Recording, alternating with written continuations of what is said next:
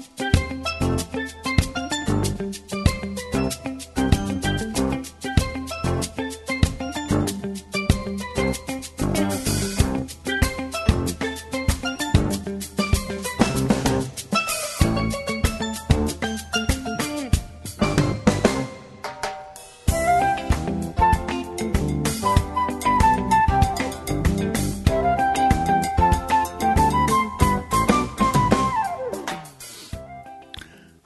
Så er det sendingen av Bilsalongt her i morgon, og vi tar talt av februar. Og her i stovene er Preben Hansen og Jekvann Danielsen. Vi tar han av hovedgjester, som langt er kommet til Thomas Jakobsen, så det kan du sitte frem til og, og høre om hans har lov og hva han annars finnes vi. Og kom og få oss til vi kan Så hjertelig velkommen til sendingen i morgen.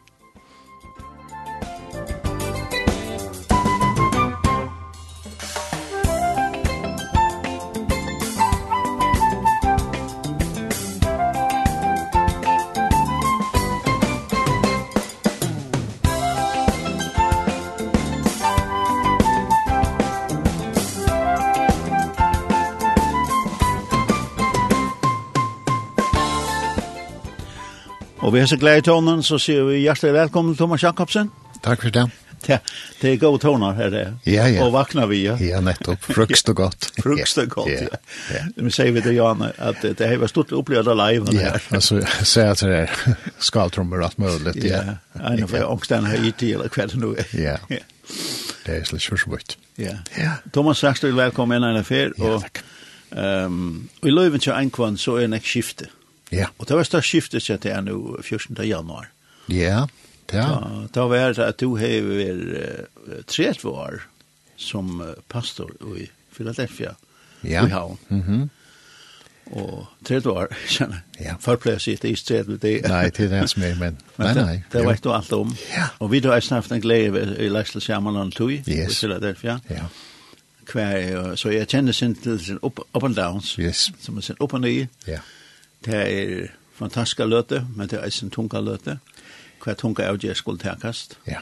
Så, sett var, eh, er man huflangt, eller boka er, eller kvært, eller man gleder sjåman, ja. det er blanding. Ja, det er alltid en blanding, men jeg halte det som er så veldig viktig, det er at du, du bestemmer nok som jeg sjålur hver du erst, du er mån til uh, den heilige andan, og at livet seg med heilige andan, så gjør det alle månen, altså det er vi ett vanligt arbeid er det som det er, men tar du lever i herran og vi hele andan, så har du denne kraft som ber til jøkken, det må jeg så si at, at jøkken, ødeles i årene, Em så er heilig anden bara ver kraften alle tøyene, og jeg har lært meg nå i kjøkken en ekv så sosialen at, at livet vi en kvann daglig, så hentet til kraften av daglig, så at han ikke slipper at trusta med nyer tøy. Vi kvart er det lettere, vi kvart er det tyngre, vi kvart køyr det så man gledes, og vi kvart så skulle mer, um, så, så måste mer aktivt være og få det køyr og så videre, men at han fyrir alt, altså, mer her, her personliga så är det kraften som ber till heliga anden. Det är alltid er så snarare tøytning, og til så størst det fire og at, at halta ut og at det er ikke bare en klisjé av at her er det gaur og her er det jasper. Nei, det er virkelig kraft. Ja, det er alltid. Ja, altså, her var et gang, som du sier, til Heilig Antan som er den, er den største visdom og største kraftkjeldet som i universet ja. kan man vel si. Ja, allaveg en ja. Ja, det er det skapar verste.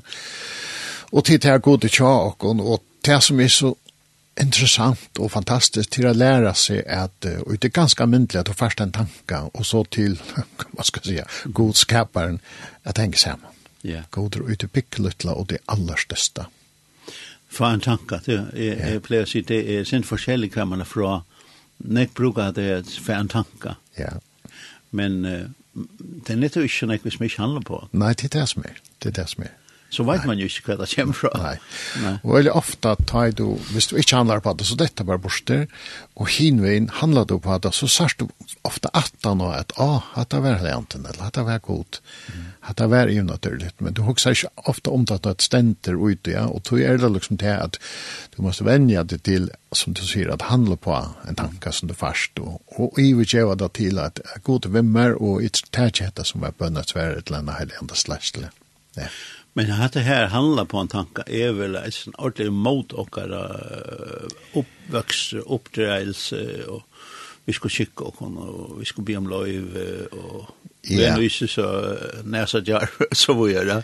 Det är det är lika ojakar skolaskap att att finken upp kan släppa sig ner. Ja, akkurat. Ja, ja, det er det her. Så ta naturliga løyve og det som vi drar opp til nå, jo, for ikke snakke om at generasjoner er, du vet, hvordan det er, og hvordan det er, og så er det.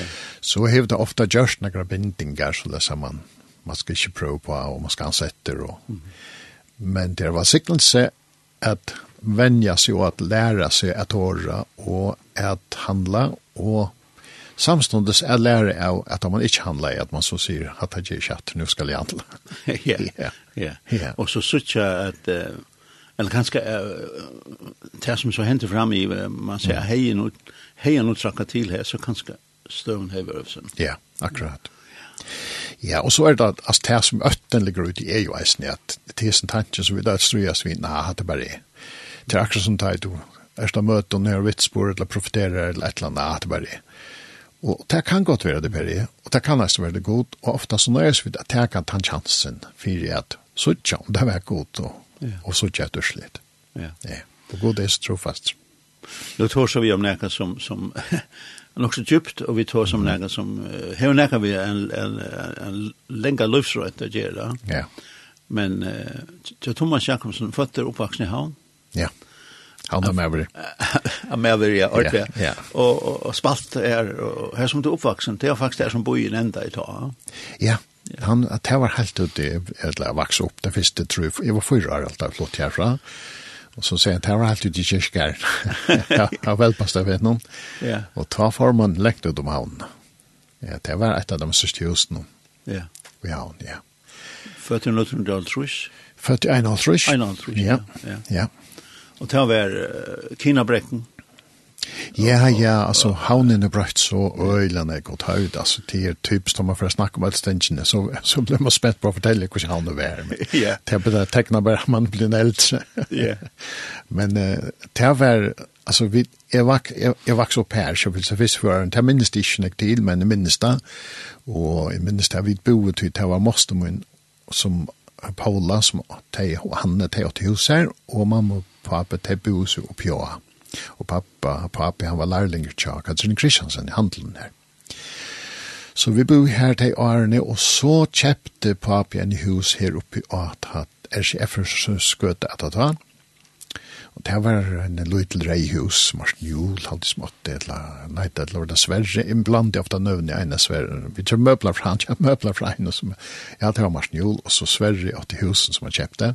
Men i Øtlenføren, det var så her, som han så settene bygde en handel framafyr. Ja. Og det var liksom enda, SF-skøten enda i her? Hon enda i her. Det var jo, det er nødgjert hui at SF-skøten ble jøgnumført Ja, for meg er vi noe gjort. Helt opp. Helt altså, folk som lurer som er ung, det sier hva jeg snakket om. Ja, ja. Men det fanns bare en sms. Ja, det var samband vi sms og alt her, Det det ble gjort, ja. Så de bor faktisk vi enden av en. Så vi bor i enden her, det ble flenne etter at det er spalt vi drønsen her, og vi plass på fotboll, sånn av en. Det var AR-sjef fra skøtt, midt av en. her sparket av alt, det var ikke først da. Nei, nei. Og pappdøyen hei en handel her? Ja, han, tar han starta, han byrja for sjolvan, og først leia jeg en, en hus, en little hus uh, fra Kjerstan Kjerpa. Eh, te er de husene som Sundstein hei granskåreverskje her, de blir bygd om og større, de har bygd lydel hus, det var handelen, det er først, jeg minnes det ikke om handel, at yeah. eh, her, det var, her, her, her, her kom det folk inn, og, og, og så bygde han ta nøtja, ta huset som nu alltid ta er til vert har selt motorcykler eller for crosscykler så forskjellig her oppe. Ja. Det er bygd igjen så. Seitene, og, og flott så, og så, og, det, og så ble vi bo på, så vi, flott, vi bo på og handla med en jonter, og så ta som vi kallar for gamle hus eller lyttelig hus. Ja. Her bo spart mye Ja, här är vi starta ja. Ja, Sundstein. Ja. ja. Nej, inte nej, inte nej, att han för det lite som vi bor ju här. Ja. Hit väl lejemal vi kanske kärprost hade ju uppsagta. Ja. Men alltså tar man det uppvuxen och mejla men uppvuxen i en handel. Ja. Så är helt enkelt tro fri, ja. Nej, nej.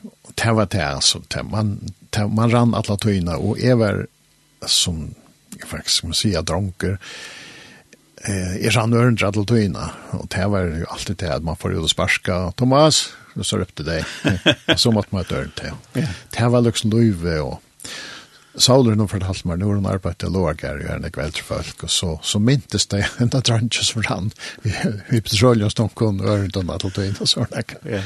ja, det var sånn, det var, ja. Så du var, du var, så øren til dronk? Ja, ja, ja, ja, og så ble man større, så begynte man, jeg stand i handelen, og ekspedere, og hjelpe til her, og ja, ja. Så det var, og, og jeg kunne huske meg, så han tog jeg det, altså, som jolaften og så, det var, mm -hmm. det skulle, altså, han stod ikke så om man kunne halte jol, og klart. Ja, det var nettopp det, altså, du var, man har jo, det var det ikke det man er jo, man har hei stånkt den hele det og sånn, det var åpen nesten til man får uh, halte jol. Ja. Ja, det var oppe i minst hva klokkan tvei eller fyra eller sånne, til og med sjølaftan. Ja. Och så var det bare om å få kittelen ned och för upp och så har varit donna var starkt og så uh, så helt man jag då och just det har preke av tog i att man yeah. man var veldig busy. Ja. Ja. Det var det var som han kikk vid chantla. Ja, och folk bankar på knappt du så där glömde cheap så får man i handla vid dem då. Ja. Ja, ja. Så svårt då. Det det var det ja. Ja. Men ehm Tvitt, så fikk du, men jeg får, du får skola som vanlig som tjej år. Ja. Tjekk kommunskolan, han var nok så nutjer da. Ja. Kommunskolan der nere, ja. Ja, han bygde her, så ikke alt og alt det. Ja. ja. Han var bygd i Holtrusjen, ja. Ja, ja, ja det stemmer. Ja. Men det var kjempestørst det var størst, og skolen var stor, her var sangstående var på toppen, her så var det aulan, og vi stod i minst, vi så var det tekne sånne rekker, du vet, man stod i kø, altså man stod i rekker, rett og rekke hver klasse, og stod navn, navn i klassen, da man stedde opp armen for inn. Yeah. Ja, ja. Det var kjellig. Og marsjerer nesten. Marsjerer nesten inn, ja. så fyllt man, læreren kom ut, så fyllt man læreren inn. Ja. ja. Jeg opplevde det samme hvis man, og lærer stod fram vi, mm -hmm. og så hvis man for, for, for sinte og frilig snakka vi eller pika og, og gjør det onkel vi ein framme så fikk man kanskje sånn i nakken Ja. puff ja Gen går til fikk man så vite. ja det var sikkert å se på i førre. det er det verre ja ja ja ja Men jeg var så veldig kyrklig så. Jeg sier man Jeg Jag tar ikke an när det är kyrklig. Nej. Nu nämnde du sangstova. Ja. Ja. Ja. Og det er jo en stor pastor John Lewis Thomas. Ja, ja. Öjla stor pastor. Ja. Ja. Altså, det var jo det, det är uppvuxen nu i foreldrene, tänker, det är först som jeg ikke minnes da jeg var løytel, helt løytel da jeg bodde i Velbast, da ta var det i Fresneser, foreldrene. Og Seitene for det så ivrig evangelius tog tog at det ble det hentet et heile andas fenomen at flere ble døpt i heile andan. Og. Mm -hmm. Så ble det sinter så det strobolt og det for så nøker er vi som freser folk som var døpt i andan ivrig og kvitsen samkomna. Yeah. Men uh, alt, alt er så lengt som jeg kan minnes, og evangelius det minnes det, men minnes det ikke ta freser, men, men alt mot løs har vi ikke og i samkom, foreldrene våre samkomfalt på seg og det, det var det fasta tænast av plass ved søgn av daglig arbeid. Og jeg har alltid vært lotig eller kjedla gingen ekva møte, så lengt jeg kan minnast, og vært nok så aktiver, og jeg halte det var som cirka 14 år gammal her alai. Altså det som jeg minnes best til det, at jeg sang jo alltid, med dem og vi hadde sang og musikk, og så lukk tjokken og mamma, og det, det elsker jeg sinja, og spela, og sånne gav. Mamma klempra mandolin, og det banjo, og, og vi hadde ikke klaver eisne. Og så gjørt, så ble det sangkår gjørt, og ta vår vidt så ui samkom, samkom jo kvart opp i låsjene, det var forskjell som endte da. Og så akkurat kvitt som samkom var opp i låsjene, og så gjør det sangkår, og jeg minns vi tatt det sangkår, en et øvelse ute til Amarni og Adolf, det minns det her ute i, hva det hadde Ja. Ja her, her gjør det en opptøk i eisen, og så videre. Vi men visst øva i til vi skulle synja av en påskastevn i skåpen. Og jeg skulle synja solo i skåpen. Det er liksom det første minnes i sang. Hvor skamla du er da? I fyrsten år, så skal fyrsten år, ja. Tror jeg stemmer du veist. Ja. Ja, ja, så er du vel av fyrsten år til vi jo ja. Ja, ja.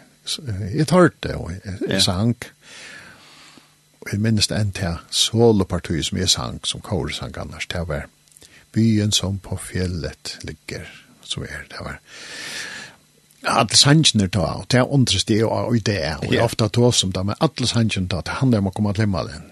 Yeah. En solesang som sang, han er bak den gyllene sol, der er et hjem, et underfull hjem bak den gyllene sol.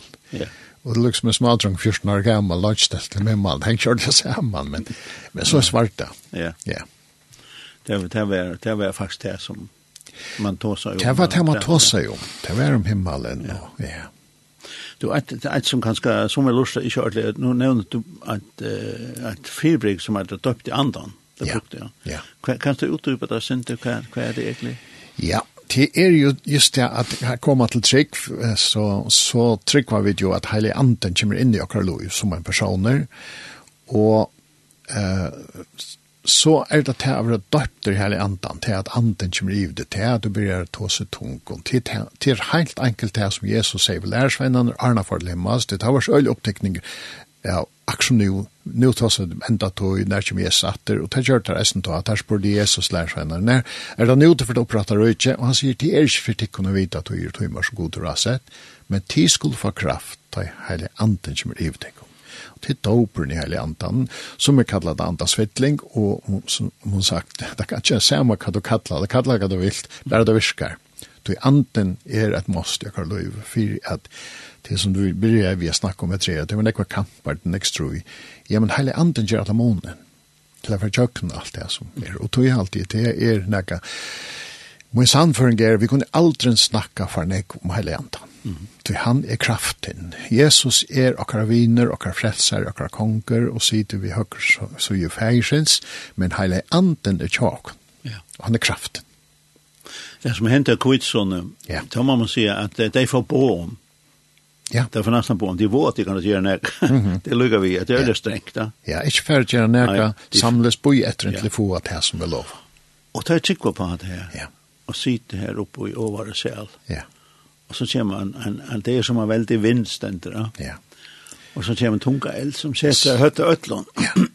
Og øtl for det tåsa. Ingen undantik. Nei, ingen. Öll, og det er det som er interessant. Det stender øtl, og det som er interessant, det er at øtl var sammankommen. Ja. Og alt sammen så finner jeg øtl ut i seg hendelsene. Ja Ja. Og der fikk jeg ødel tunker, og som det kunne ta seg tunkertale, som vi sier, og, der fikk jeg andre tunkemål, og så er det som er en fantastisk manifestasjon. Og da begynner jeg jo godt samkommet, og ble født her. Mm.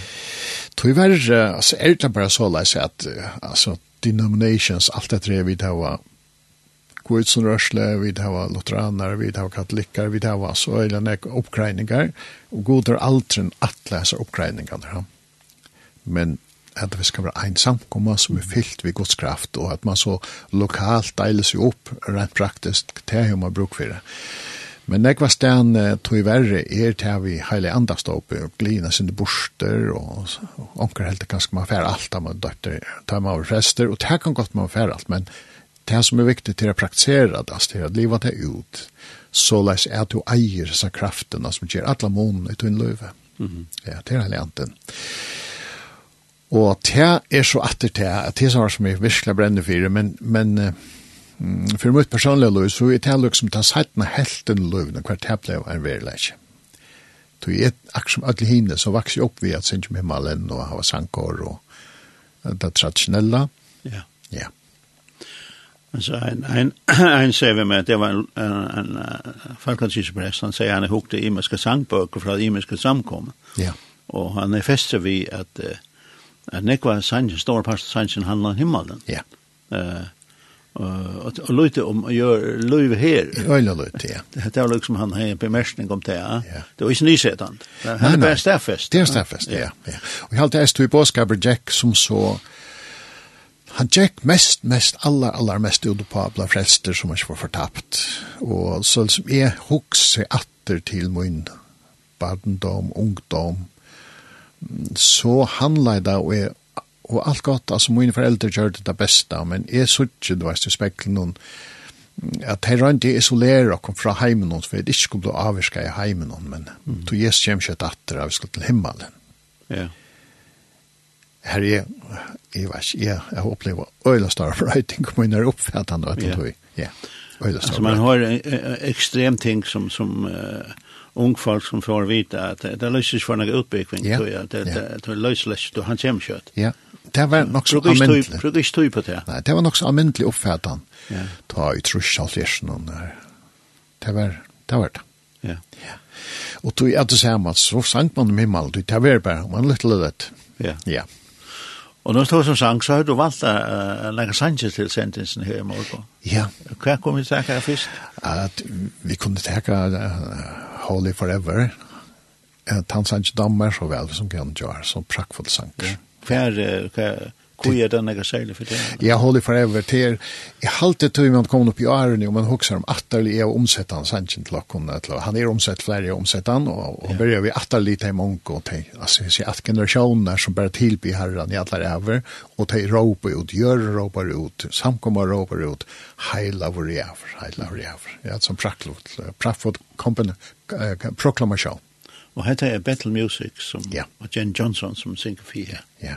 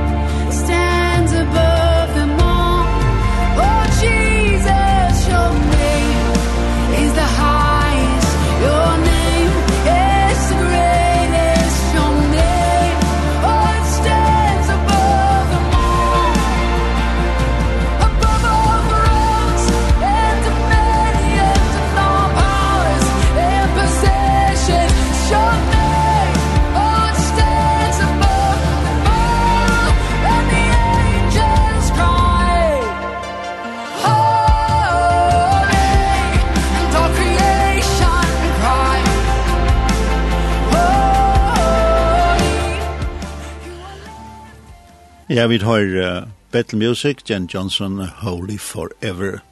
Og her i stående som er her, har vi, her har vi Thomas Jakobsen. Og hadde lært jeg stor tutning til det. Ja, det er en deilig sanker, jeg elsker. Han har lov sangen i Holy Forever, og, og etter her atterline som synger sammen, de som er færen, og vi som er, og de som færer kommer. Yeah. Og det var en strof, og en såkalt en jola sangen, som ikke er jola sanker, men, men før var folten. Ja. Ja. Da jeg sier at etter at søker om det målt. Ja, nemlig. Ja. Men ångan du taknar ljau av himmelen. Ja. Atterlig at han atterlig. Så vi ljau av himmelen verand jo vi synsja. Om den heile fantastiska kongen og god som vi det var. Ja. Og i heile andan, ja. Ja. Det er et heile andas versk. Foreldren kjærte Frank og Mia.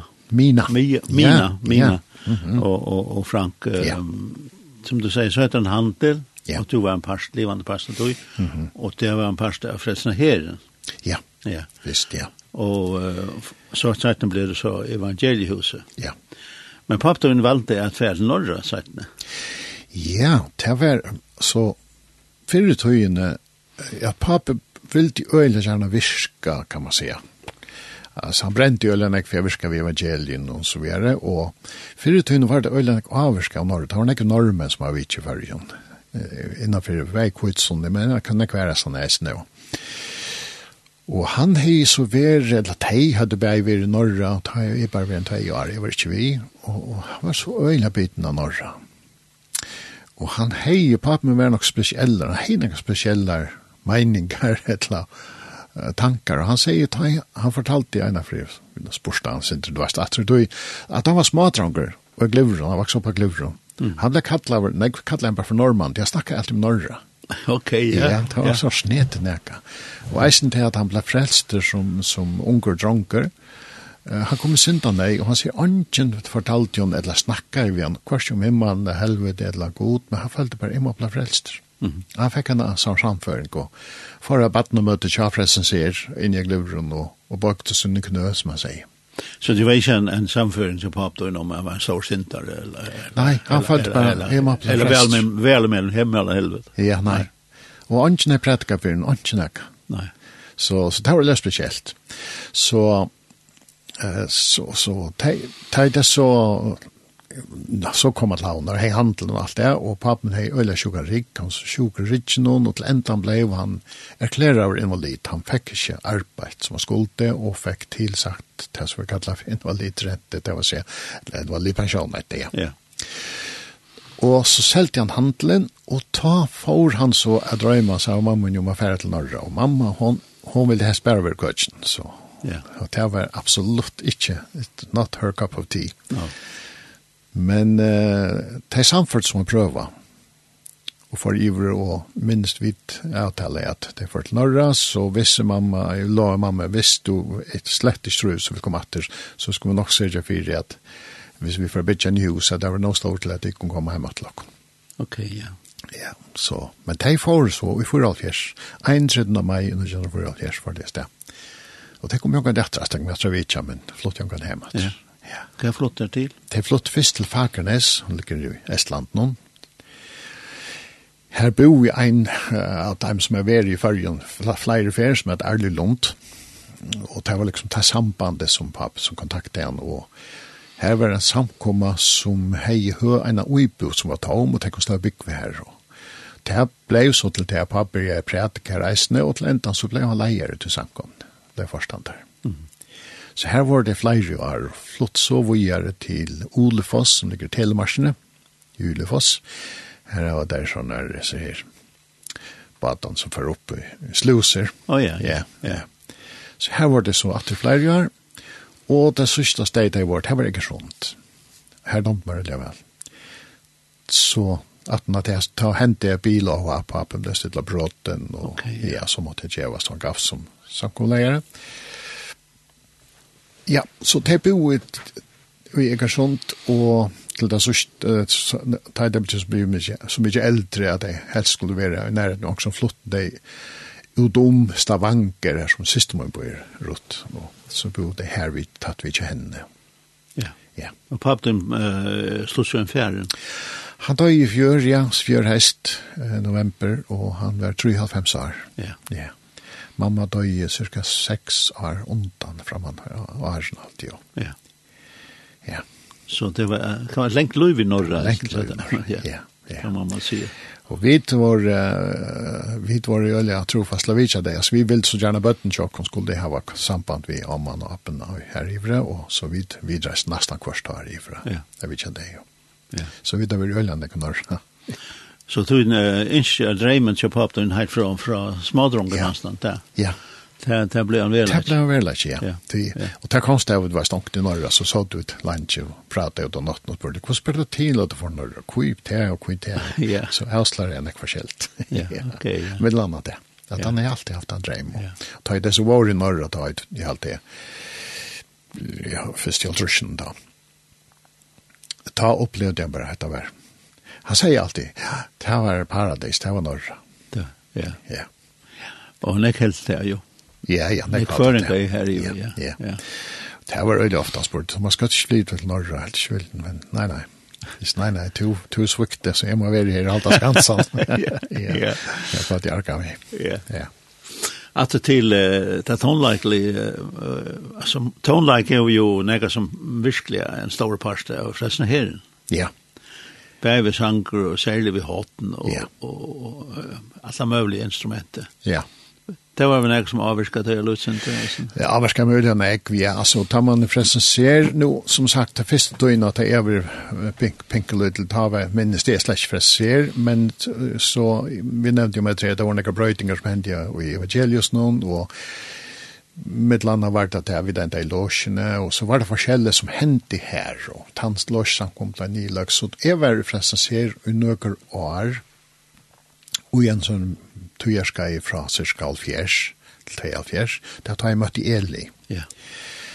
Og alt annet du kommer ui, og du hever øyre for musikk, og du kommer fra sier, så skal du spille hatten, og jeg spalte så hatten. Ok, ja, ja, ja. jeg slår hatten med det. Jeg spalte um, uh, Basona Daisy, Euphonium. Ok, ja. Ja, ja. en deilig tatt, det er så personlig og så prakkfullt. Ja. ja. Klinka så øyre vel. Så jeg spalte her, og så, så spalte jeg bass, og jeg spalte gitar, og så sunk vi den hver. Ja, Eli Andresen. Eli Andresen ja. som var, kan man säga, vad ska man säga, dansk och drönmusikalisk. Ja, ja, ja, han var ordentlig, og han var gittarsnittling som var kvärt, ja. Ja, ja. ja. Så vi, vi, her hadde vi øyne gang sang og musikk, og virka i nek vi sangen, og vittna i jøgne sangen, og nek var vaklen, og men så blev det liksom att det är vi att hela anden tungtalan och så vidare och, och ta part snack och i mer att jeg vil snappe vågjere innatter og ut te. Og så brøttes det omstøver, og just det gjør det så til at da jeg Philadelphia ble stående. Ja. Så får jeg til Philadelphia. Då vi att i Nordhundra och tror jag halvfjärs. Det var i tror jag halvfjärs där blev just. Ja, det var om sommer i två halvfjärs det kom atter og och jeg samlast vid time som var i Philadelphia. Huset så blev det till tror jag halvfjärs september. Ja. ja. Så det tog inne og Eli kom at han har att han har ta. Ja. Det var jo en, en risasti, men man, man gjør det av, nå, nå skulle vi ha en ordentlig samkombygning. Ja. Og man får ut av landavind. Ja. Nummer 22, alt det der. Ja. Ja. ja. ja. Og så... og gammalt hus då her. Ja. Og så får man holdt ved. Ja, veldig, altså, kan man si, nå er døven, har vi ikke finnes bitcheløyve. Nei, slett ikke. Nei, men det fikk man ta. Ja, men altså, da tar vi ikke han den bitcheplaneren og de reglene som er nå, men det ble bygd ut i Marsk, alle vei nesten, da. ja. og i det er som hatt noen, hvordan alle vi var det bitcheløyve til det? Ja. Men det bygde veldig til hus, og husen som stod her, det ble seg helt, og så flott ni, han de jeg kjøpte det, og det ble sett uh, en grunn oppi av Høyvesvennen, hver det ble grunden vær, langre så bygde man det samme, så det er største hus, men i stedet for løyt hus. Harmonika hus. Ja, nettopp, ja. Ja, ja, ja. ja. Interessant også at Rom, alt det som, som hendte da. Ja. Men, uh, men det løyve ikke åkken vi sang og musikk, og det er være brennende og virka, liksom, ikke legge til lætsøyne. Det er vel, det fortsett så her ute. Ja. Og eh jag synder alltid hva skal man si, framme i skolan altså man vil det man vil det alla till bröting man vil det alla noe mer og Jeg minnes ikke akkurat hva år det var, men jeg minnes så vel ta i Philadelphia, jeg var rett hampelig nøyt, og vi hadde haft møte, vi hadde regelig møte der, så kjøpte Eli og jeg trommesett, og Eli for å spille trommer der. Ja, det var helt avvanlig. Det var helt avvanlig, det var så pura, pura og alt det, så vi var rett og spent på. Du vet, høyde jo nekvar eldsaler, men så var det eldre folk, jeg husker om Heina, tja, Heina Kull, som vi snakket om, Pallibett, det var ikke, det var ikke ta, men, men jeg ånder eldre som var her. Og vi tok seg bare, uff, vi håper at det ganger vel, men vi, vi prøver. Ja. Og jeg minns jeg snakk om det før, at det, det var en fantastisk møte vi tatt trommene og, og vi er sinne spett på hva nå. Og, og så minnes det i sånne firmer enn at uh, Heine får fram, Heine Klemmensen. Ja. Han får fram, og vi tenkte opp, bare hadde vi ikke funnet skålen. og han lå prysa i herran for alle instrumenten og trommer og alt som var kommet. Det var så fantastisk.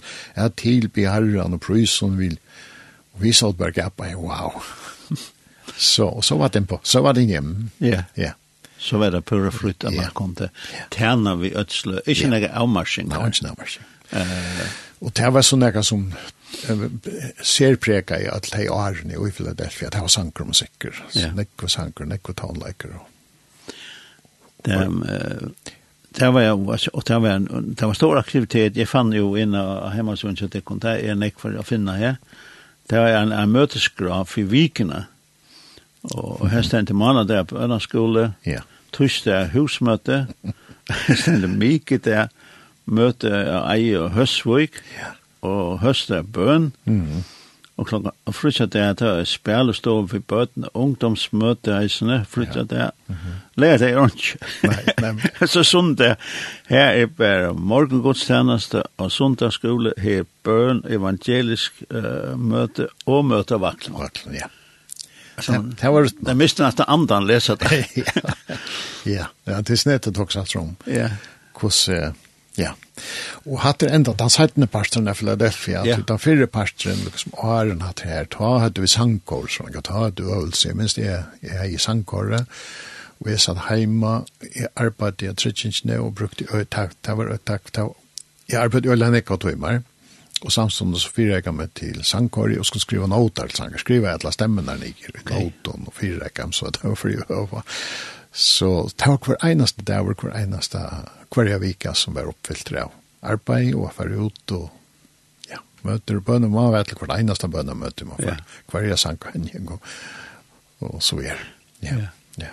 Og sånn der han var, så han begynte jeg ta av morgenmøten og det er ferdig til midnatt. Og jeg var for å ta vakle, men det skulle jo gjøres klart da, og er så ja. vakle var li og klart, og ta skulle hjemme pakke og sette alt i min selv, det er tekninger, alt det skulle sette alt sammen alt. Ja at jeg husker om det der. Ja. Etter finnes først til deg der. Nei, altså lengt det fra. Avgjort, nei. Jeg sier som til, altså, at, at uh, hvis man nevner så har du det, altså, at jeg hopper av lengt den du, du ja. er helt, altså. Men Jeg kom med i så har jeg først sagt, nei, nei, nei, det er samkommet skal jeg ikke i. Det er, er klare kanskje at sånne morgen kanskje. Ja. Bønner med, nei, jeg vet noe ordentlig. Jeg har sånne grann å gjøre. Ja. Og så er det livet. Ja. Ja. Hva er det som er hent? Det er forskjellig, det er spæg i tøyene Det er eisen, man kan si at det gåa å være trofeste, og at man var villig. Samståndes er det kjeilig å være, enn jeg godt hos man gjør det da. Det gjør det man, selv om det er eisen i utne, men eisen i plikt da. Mm. Altså, jeg, jeg snakker vi ankrande det om det her åh, sier det, oi, jeg snakker ikke om det. Det var så mye. Självsagt. Så, så man kan romantisera det, men samståndes det var det er, Jeg har engst av å kunne haft mer uten i det, og mer brennende, altså mer, kom an, altså, alt er i mentor om, så kommer sterskene, sint og tannveien. Ja. Hinveien, så at man ikke reker en samkommer vi alle mulige aktiviteten til mamman, da skal man, uh, ta pliktkjenslan. Ja. Ja. Men det er som som uh, men da jeg leser det så vil jeg ja. si, som jeg sier, som jeg sier, när vi så andre. Ja ja ja ja. Det er så näck og det krever så näck krävs så rævlig näck. Ja. Men det er jo eisen de kom börja jeg tror jo, all fjärs. Ja. Og så er det det man kallar som pionertøy. Ja. Ölnäck stilt opp, og vil være visen att här vara vill det her, eisen bygg, big vara vill alt av en jag. Det er nettopp det. Så ja. Så så blir det til. Ja. Ja. Og tror jeg väl hände nog det att så missa man misser kraften da man Ja, kommer så blev det blev vart det långt ned, det sånt när så kände det å være var kostas några krafter och kan det ju familjeliv och så videre, ja. Jeg synes det. Ja. Så vi opplevde då att att det var vi var liksom en sangmenighet, Att det var en plattformsmenighet hva vi det så gav oss sang, og underhållt kan man si på tamatan antalet gott underhållt. Ja samstundes som at det var en langsel etter det som vi byrja vi snakka om hele antan, at det var en annen dimensjon av hele antan. Og personlig har vi nå vittne om det, for tusen ferner, og det var det tan brøytingen som kommer som kom i endan, eller endan av Arnon, Nådje fors og byrjan av fems. Ja. Ta, ta, ta hendene jeg helt utrolig. Og det var, tog jeg opplevde, jeg, ble, jeg kom vi i Lashlina i Philadelphia, første forsen om, ja, nok stølje forsen, eller alt sosial fjersen, jeg minns om det var alt fjersen, men det var her alai. Det som man kallar for en eldste. Og Finner Hansen var, var, var fyrstømme over, så gavst han, Alltså han leis, leis, alltså han gavs det inte men, men han säger, säger sig ur, han säger sig fra som fyrstdömer, som läslare pastor som ja. vi ofta säger. Och så var vi ju äldstare i bära, gasare i bära, men det var vi och så var det där kvar kan nu och det är alltid till det som är intressant är nu tar jag liksom för nu läslen så då visste man ja kvar så jag måste jag hemma alltså på en nu det tar roligt alltså det handlar ju om personer och kvar kvar och kvad kosse men men ta hent så til at jeg spurte om jeg kunne, liksom, ta giver, men sånn at jeg gjør det ikke, jeg følte slett ikke det. Jeg er kvartjeng. Jeg er alltid, alltid, pappa min har spurt, det var så som, jeg var fra pappa, jeg Thomas Tover samkomleger, og Tover eldste og alt det, og i minst av første jeg ser vi at jeg var aldri noe i løyven, og så kom jeg inn i etter deg, og tenkte, opps, ok, men at jeg lager sånn, at jeg var aldri noe i løyven, men jeg minst jo han Norfoss var Jeg vet ikke om det var han, men tar jo etter han ta, spurte vi ikke kunne jeg og dår, og ja, så kjør man det. Så man er voksen inn i det, alle tøyene.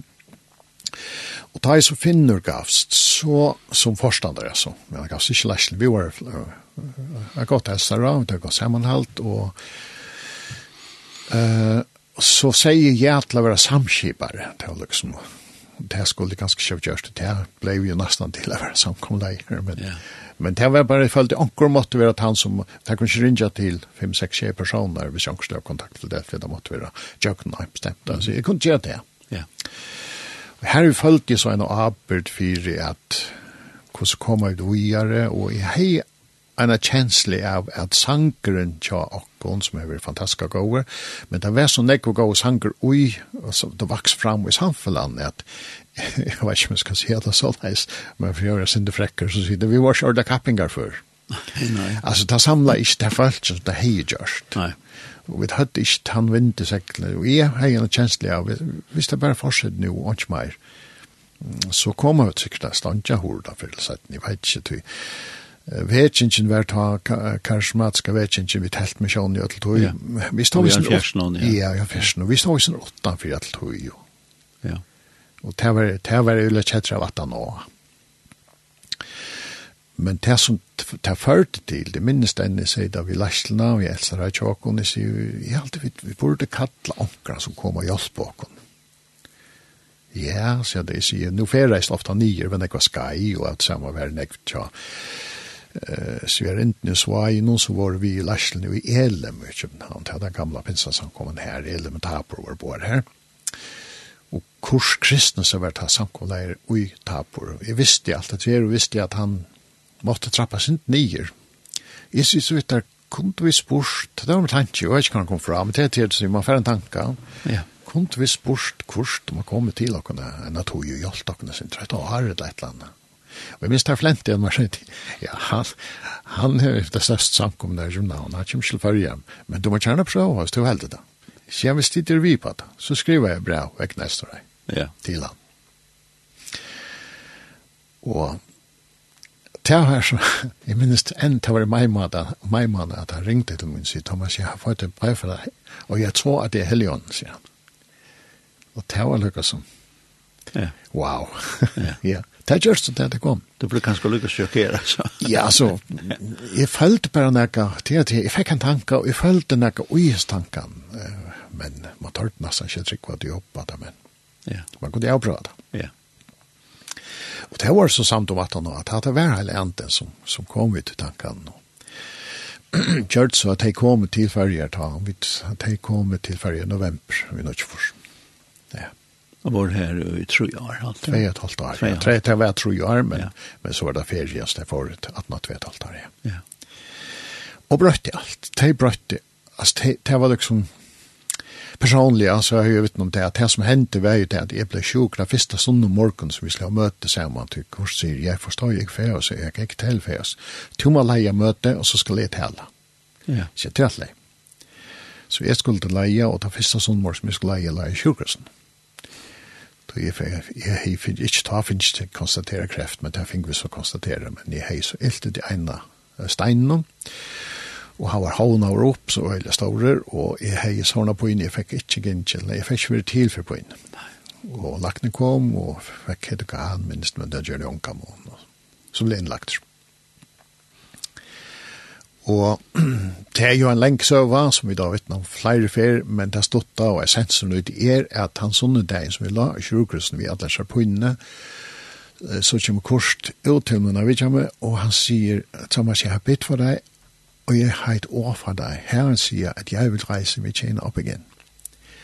Og det som han sier, altså, det var, det var liksom, Uh, altså, jeg har haft en hunker en tosta, og det var flere som tysta etter hele andan på en eller annen måte, som, som var mer enn det vi hadde oppleva.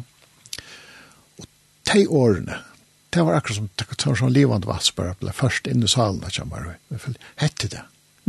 Hette det og langst etter, alt mitt liv.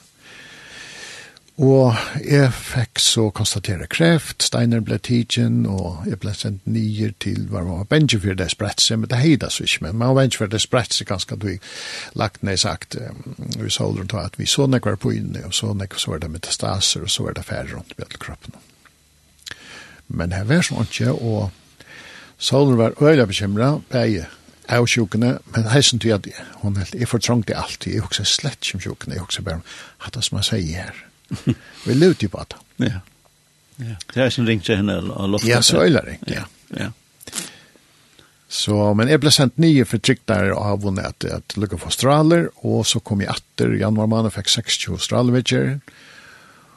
Och Guds hånd var bare vimmer i øtlen, og jeg levde så godt, jeg heita så godt, og jeg var sjuk, eller at det var straler gjerne nega som man skulle få diarré, og man skulle få man sputja og alt med himmelig, jeg vet ikke hvordan jeg piller og sånt jeg fikk, og, men jeg fikk ikke nøkron, altså. Jeg tjekk til straler og boi jeg brett til at vi just det, så var det heim. Så når jeg tenker om, så minst tenker om nyer, Salder og Samuel, og, og Eh, og jeg opplevde bare tre dvest, nå er det noe nytt. Ja. Ja, for heimater og så sier en granne ved meg, hun kjortlerska, så sier han, Thomas, si at jeg Sier at det var veldig vatt, og jeg hadde haft en depresjon, og at han alltid treis, nei. Jeg kan, Thomas, Thomas bare fyra, hun kommer. Men hun kom og gav det, altså, det var så ivenaturligt, det er så god kjørt jo min liv, at det brøtte alt mitt liv. Og så begynner vi det på, om man ska säga sätten i helt av löven vi hela andan og at lära skilja hela andan og bruka hela andan og liv i hela andan. og fra tog som vi opplevde ta og til, om man skal si, at det er kurs som var år, og, og vi måtte liksom sjølve færa vujare. Men ta sett i meg fyrir, jeg får aldri a bakka, jeg får atla til jeg leit etter tog det meir. Mm -hmm. Og til liksom er min hukbor, alt mitt løyv, det er meir. Ja. Det er alltid enn det, at det er meir. Thomas man så ska höra läraren uh, færvågjere, og du har jo en, en länglista her som du kan tänka Ja, jeg hörde, det var en, en, en sang som jag hörde nøylig, at Han skal over, Crowns Down. Av Josh Baldwin. Ja, det är lustigt. Han tossar, han er sin längre men tänker bara feta nyer, Men han, han ja. synger reisen i råbar ut om han er heilag.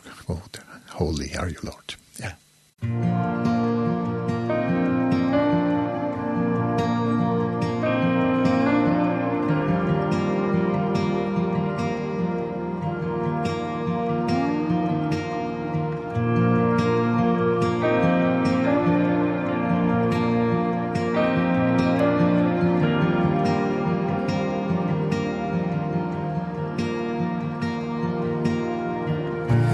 enthroned in glory my savior king.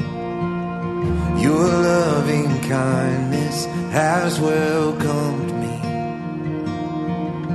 Though i'm unworthy of majesty you wrap the lowly in royal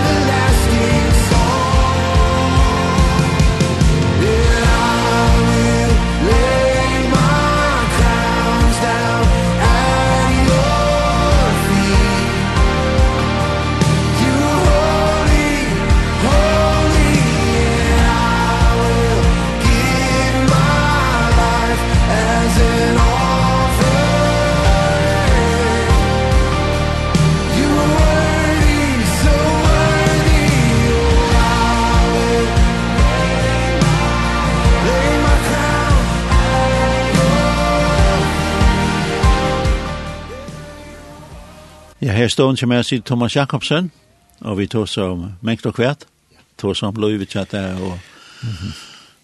og det står skiftene som jo har vært nå, kvært jo er ikke langer uh, pastor jo i Philadelphia her, og i Landavennon, mm -hmm. men uh, et nytt kapittel blir løyvetjatt der. Ja. Men uh, for en spår helt alltid til at du var drang, hvordan du uh, fikk samføring om at Jesus var herre til en løyve. Ja. Hvordan hendte det? Ja. Jeg halte det hendt jo ut i at jeg alltid var i Guds hus, jeg gikk alltid til møter, og jeg minns det begynte at uh, hva som man sang vi, og, og, så følte meg til er inne frelster, er, båskapen om frelse, ja. Yeah. Og så vi kvart ble man sin til bensjen, hvis nu Jesus kommer atter, er vi, og... Men så vokst han trykla ikke fram, jo, jeg har tids mot Jesus, jeg elsker Jesus, han bor i min hjärsta, og det ble jo bare, oi, hva skal man sige, badna ungdomsaren ta, mer badna aren, at ta vaks til en samføring at jeg høyre han, hon til. Ja. Ja. Så jeg møter jo nek folk, altså, Jørgen Arne, som, som er ui er sånne støven at uh, man gjørs kjem at uh, man er vi, og så videre. og faktisk uh, får det ikke alle kopper fra det, men det er jo ikke er nesten et liv. Ja. Og livet er sånn sånne øtten. Øtten, ja, nettopp, ja. Hva er det du sier til deg? Ja, men jeg skal si at jeg vet deg at jeg skulle absolutt altså til det som Jesus gav oss instrukser om hverja for lærersveien han spurte om det, så sier han, de skulle ikke hukke som hæsetingene, de skulle hukke som røyke gods at jeg er kjatikon, heilig anden er tjatikon Og eh, ein og hver, eisne for at, om man skal si at trøst eller forklare, ein og hver som er jotta Jesus som herre, han har finnes heilig anden. Og da Jesus kommer atter, for jeg teker søgne som vi pleier å teker til, så, så er det heilig anden som er panteren i Efesarbrev kapittel 1 snakkar om at heilig anden er panteren i okkur liv. Det er ikke jeg kommer rett som nekna, så vi nøyast det bare vi. Vi er kommer rett og som bor i okkur Og, og ein og kvar som øttas fyrjes ned, trygg av Jesus og kvil og i frelsene, tog sjølvan slepte vi til heilig anden som gjer det, at hun jottan og på Jesus som herra, hun gjer at hun erst ein av dem som høyre til Jesus og skal vi skære han. Og ikke lete øttan slippe inn. Det øtte er den største futjenden vi heva. Vi øtlen og karluiva så er øtten. Han, han er futjenden som kommer fra djevelen nå. og vi skal ikke under ro. Og jeg minns det jeg har haft noen opplevelser som jeg vet noe om meg, at jeg sett meg enn fyrir, jeg vil aldri øtta slatter, aldri. Og han har meg seg en av er det godt utsøkne at med kvært det motsatt av kærleka, altså kvært det motsatt, og så hukser vi det, til hæter, så sier nei, til det ikke, øtten, til det motsatt av kærleka. Til øtte er ikke i kærleka. Så en og hver så strøys vi hessa tankene, tag moter frien og fra god til, og i heile enten, at du er utvalgt. Ja. Yeah fjallapratikan hessi, så kommer en lengt list særlig til, ja. og, og så kjenner vi dere at det, sånn at, mm. det er som tist etter at det, ja. særlig til, altså, det er en lengt, lengt list, så vi nega kjensler og nega opplevelser som faktisk godt kjenner. Ja. Og så begynner vi å si, særlig til, og god tro ikke tarra. Ja, nettopp. Det er sånn at, ja. og det som god tro ikke her og nå, og det som kommer skal. Ja. Altså, en listan, hvis man leser ja. den i djøkken. Ja, nemlig. Å, ja, men altså, ja jeg er særlig med meg. Jeg har ikke en her ved kvørst. Jeg har et eisen såla, sånn et. Og, og ved kvørst kan jeg bli uh, nesten ytterlig tog jeg hver rett hvor rattvise til jeg Nettopp. Og så særlig tog. Slapp jeg av. Nettopp. Slapp jeg av. Akkurat. Ja. Godt så rydde jeg tog. Slapp jeg nå bare av. Ja. Jeg vet det. Ja. Det er sånn her... Uh, Uh, djupt djupt psykologi som djupt psykologi ja amen som som ingen annan kan tänka till ja. den här fantastiska glädjen ja och i herran Så personligen så som sagt för att komma till spornigen så det upplevde jag som smadronger och jag har haft det i hjärtan och man kan säga för mitt liv så heter det så läs alla vägen alla döna och stadväck att tans handføringen beg om frelse, men i om loiv i herran, er jeg vøkster, og jeg vøkster, og jeg vøkster, og tog er det liksom jeg, eisen jeg, jeg kjenner stadigvæk at, jamen til meg, det er enda meg, kusrujtjum som er størsta til meg, ja. Mm.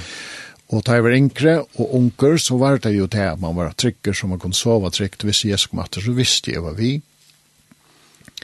Og så settene, så, så settene i årene, så har vi finnet, liksom, det at vi tar så øyne ofte om Jesu atkomme. Jeg tar så angående om Jesu atkomme, personlig. Tror jeg opplever for meg er det noe mye at hos rydde kom til munnen. En sanker sier det så utrolig deilt, han sier, han ville ikke at himmelen skulle være akkurat 14, så han sendte himmelen i til akkurat. Mm. Så Guds rike er her.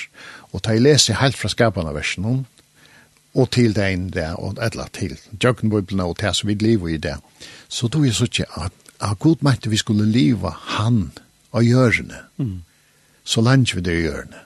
Og så tar vi så skjer i meg. Ja, så får jeg glemme. Ja. Men fok fokus i eira vera nu. Og ikke ta han ene afrikanske kjemratter. Så jeg mener, jeg vaks opp ved at Jesus kjemratter blir klarer Og nu er det 43 år gammal. Jeg har stått nesten alt med lov, han ikke kom den. Nei. Det betyr ikke at han ikke kommer. Men det forteller meg at det er ikke det jeg skal fokusere på. Hvis jeg lever et helt lov og fokuserer på at jeg kommer etter han kom den, så har jeg liksom haft skatt fokus. Jeg må ha fokus på at han er kommet til min her og gjørende. Og så langt jeg skal leve, livet er sammen vi honom. Vi hans er kraft. Og vi alle hans er fytning, som gjør vi ta kvilt og ta glede og ta trygt som vi har bruk for det ta i så tog jeg kjemmer, så færre, færre jeg bort. Ja. Så færre bort? Ja. Vi honom. Så färg vi honom. Og han görs en deilig kamer til deg. Ja, til nett. ja. ja. Og her vet du så in till äh, till ja. Jerusalem. Ja. kommer Kemeni. Ja. Ja. Og til alle hessa tingene, og vi snakker ofte om eis, hvordan er det i himmelen, hvordan er det ut, omkring bøker skriver her, Min sannføring er at himmelen og tandorten som han er, er så mye størst, at vi då tjoksar det fram. Alltså när vi huxar så huxar vi det som vi suttja och det som är till i görne. Yeah. Och det som han hever till och ni är större. Vi, vi klarar inte att fantasera det. Yeah. Vi vet att det är fantastiskt. Og sili år, sier Paulus. Og sili år, ja. nettopp, ja. Og så, så beskriver man, eh, hvis man skal si et eller annet, så, som man, ja. hva er det fineste, flotteste, det er godt. Ja, så sier vi godt, når ja. gjørs det godt. Nettopp, til for jeg kunne beskrive. Ja, vi, vi, vi, klar, vi tar av sånne avmarsjer, vi, yes. vi klarer ikke langt. Ja. Det er det som er, ja. og det er det man vi himmel. Vi får ikke beskrive det at vi vet ei ikke den fantasien som skal til. Nei, og vi beskriver at blomma det her, altså alt er blomster du kan hukse det til, ja. altså, ja, ja. så kommer ikke langt. Nei, Nei. nettopp. Og det er jo så avmarsker. Yes. Ja. Og det opplever du. Det opplever jeg, ja. Det opplever du, ja. ja. Thomas, nå er du fremfra her ute. Ja. Så får du hjemme litt til å sove. Nei, det er, det er, altså, Guds ro ikke fiddlar akkurat lika nek og jeg ble sier vi omkring det var stedet for meg. att betyr det bare til, nå får jeg ikke font. Nej. Men altså, det var Guds lov, jeg är vi og stola og, og rett og just mot og borg og så vidare. Og rollen var en løsende røvs, det er bare det. Ja. Ja, men Gustav ikke fyller akkurat en egg, og kunne ikke drømt meg fra hjemme lagt meg bare. Og ikke før jeg møtte, eller ikke vil vi låse hans, og ikke vil vi at Lothaka. Nei. Som du sier, sier meg til det, er at du setter vi flykle, ja. spille og synker. Mm -hmm. og, og formidler hvordan det er. Ja. Det er jo sær mest ut løyveisen. Ja. At kunne det, at gjøre det, at han tjeneste, ikke selv. Ja, det har vi asana, at det har herren i vjumer et lovsangsalvelse, og til er hans er ære, hans er dårlig, og til meg det er fantastisk. Og at sida bara vi klaverer, og du helter, ofta så hokser jeg bare, åh, folk er trøtt av å høre at jeg klimper her. Men en jeg hodet da, og ta så folk sier, at de får sånn jeg på sjurde hjemme, så er det fantastisk. Ja. ja. Og så er det hos jeg, og gjør det til. Ja, ja men det det. Altså, ja. du, du, jeg fornemmer ikke hva jeg opplever. Nei. Men jeg fornemmer hva jeg opplever. Jeg minns det, da koronatøyen er. Ja. Hva ørt var, eller nekva harspresset. Ja.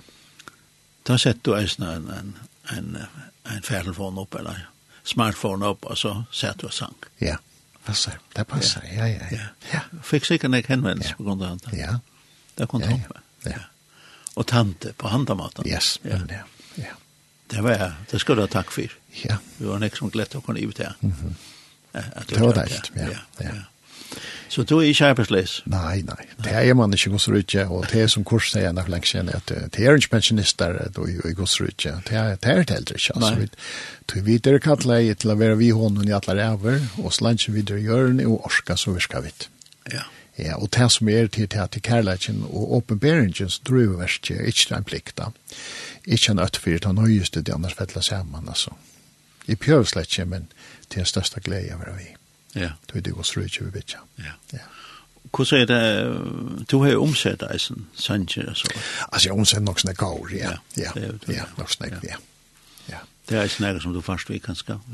Ja, altså, det er mer til at du vi, vi sunk så øyla nek go-ko, vi har vært nek betel for hans, jeg synes ikke nek at han go-koren og noe som til nødja som kommer fram, og etter hånd så følte jeg at nu er alt engst jo, det er ikke ordentlig godt, og og, og vi får vi ikke omsett, og ja, men så prøv, tenkte jeg, hva skal jeg så prøv? Jeg må bare prøve selv, ja. så gjør det det.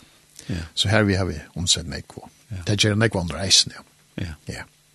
Du må føle, vi, vi det maler jeg kunne synes jeg det først, kunne det godt. Ja, stor tydning. Ja. At, at, Og nek nek lägger stora uh, då att han lägger samkommer alltså om ja. at um, det skal være for, det skal runda förskon. Ja, ja, vi er för en. Brön samkommer till ölen nek. Ja, det er är nek. Ja. Och här mästar lite omsättning nek. Ja. Og det er en det er en sånn tankegång det. Ja, det er det. Thomas uh, vi kommer att ändan. Mhm. Mm här ja. og... uh, du har valgt at lære, og du har lært flere løy, men hva er det neste vi skal spørre? Ja, jeg har alltid, jeg valgte ikke nære konkret, i jeg at det kunne være synder opp til teknikeren Tjåkon. Så... Han hever en... Han hever. Ja, til Køyra. Det var det What a beautiful name. Yes. Yeah. Hillsong. Og, Hillsong. Og til her som han sier med landet at uh, han ville ikke ha himmelen for seg selv. Og tog sendte han himmelen i til Lokkon. Yeah. Så deilig uttrykk ut i sendtjen, ja. Ja. Yeah. Takk for at du kom, Thomas. Ja, selv takk.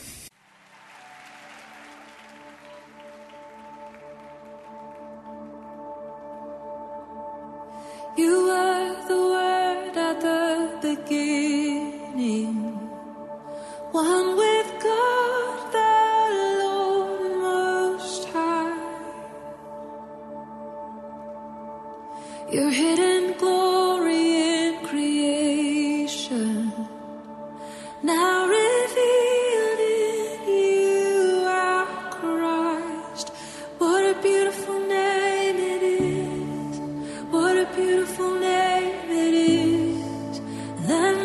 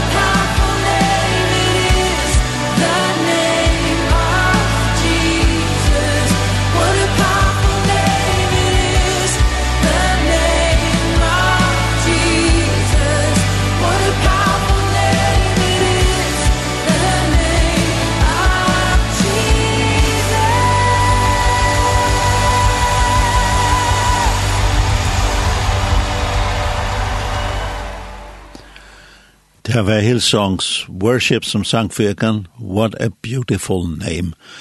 Og til at han har vidt høyde vitsan er Thomas Jakobsen, som fyr fem fra som pastor i samkomma Philadelphia her i Havn.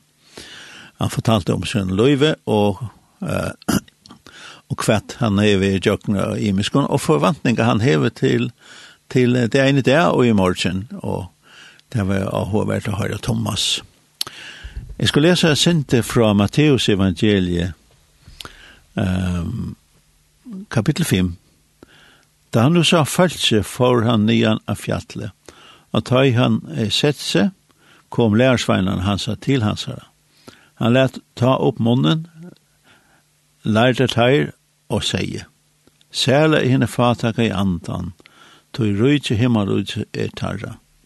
Sæle teg som syrtje, så de skulle være trøsta. Særlig henne spekfører, tog de skulle arve gjørende. Særlig de som hungra og tyste etter rattvise, tog de skulle være metta. Særlig henne miskonsomme, tog de skulle finna miskon. Særlig henne hjärsta regne, tog de skulle sutja god. Særlig de som får fri i lær, tog de skulle kallas bøttgods. Særlig tei som er som er ætsøkt for rattvise skuld, to rujtje himmel er tarra. Særlig er og tid, tog tid ved tikkun ved spotta og søkt ætikkun, og likva alt, alt om tikkun, for møyna skuld. Gleist og feknast, til løntikar er stål i himle, som lai søkje deg etter, søkte deg etter profeten hon, tui tid ui våre fyrtikon. Tid er salt gjerrana, men misse salte kraftsøyna, hvordan skal det alltid være salt? Det doa ikke langer utan at være kastet ut og trakka nyr av menneskene. Man kan ska finna sig att i onker hese så eh särle särle linjen här som vi akkurat lyser. Och godt att vite att om om du her om om du säger om du er spärkför om du hungrar tyst er rettvis, så är herren vite, han kallar det särle han kallar det vel sikna eh mer enn det et öle starkt år hade jag särle Så en oppmåling til åkken øtt, at Herren er vi åkken her som vi det, og i røntgen som vi det er i, og hva det enn er snøs om, så er det hans år til åkken her og i morgen. Vi skal høre et lært sett, og det er Elevation Worship som synker for åkken Another One.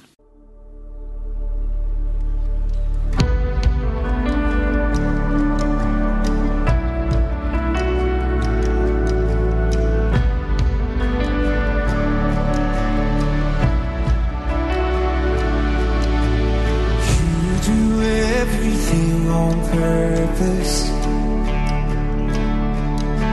And I can feel your spirit stirring. I've been praying you've been working Working it all for good. So fan the flame and keep it burning.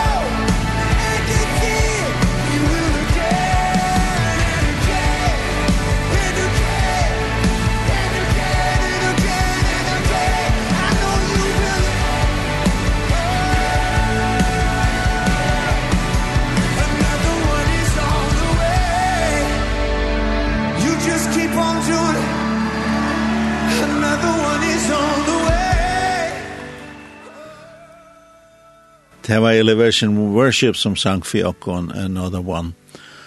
Og, og i det har vi haft vitsan av uh, Thomas Jakobsen, og han er greit fra Sven Løyve, og vi tar lise lutsen til skriften, og så har vi lyst til å gå en tonleitje. Og jeg er Preben Hansen, og Jekvann Sone, vi sier takk for okkon i det, og for enda vi en, en lær som eiter Det er bølgen er det. Det blir vold. You are worthy.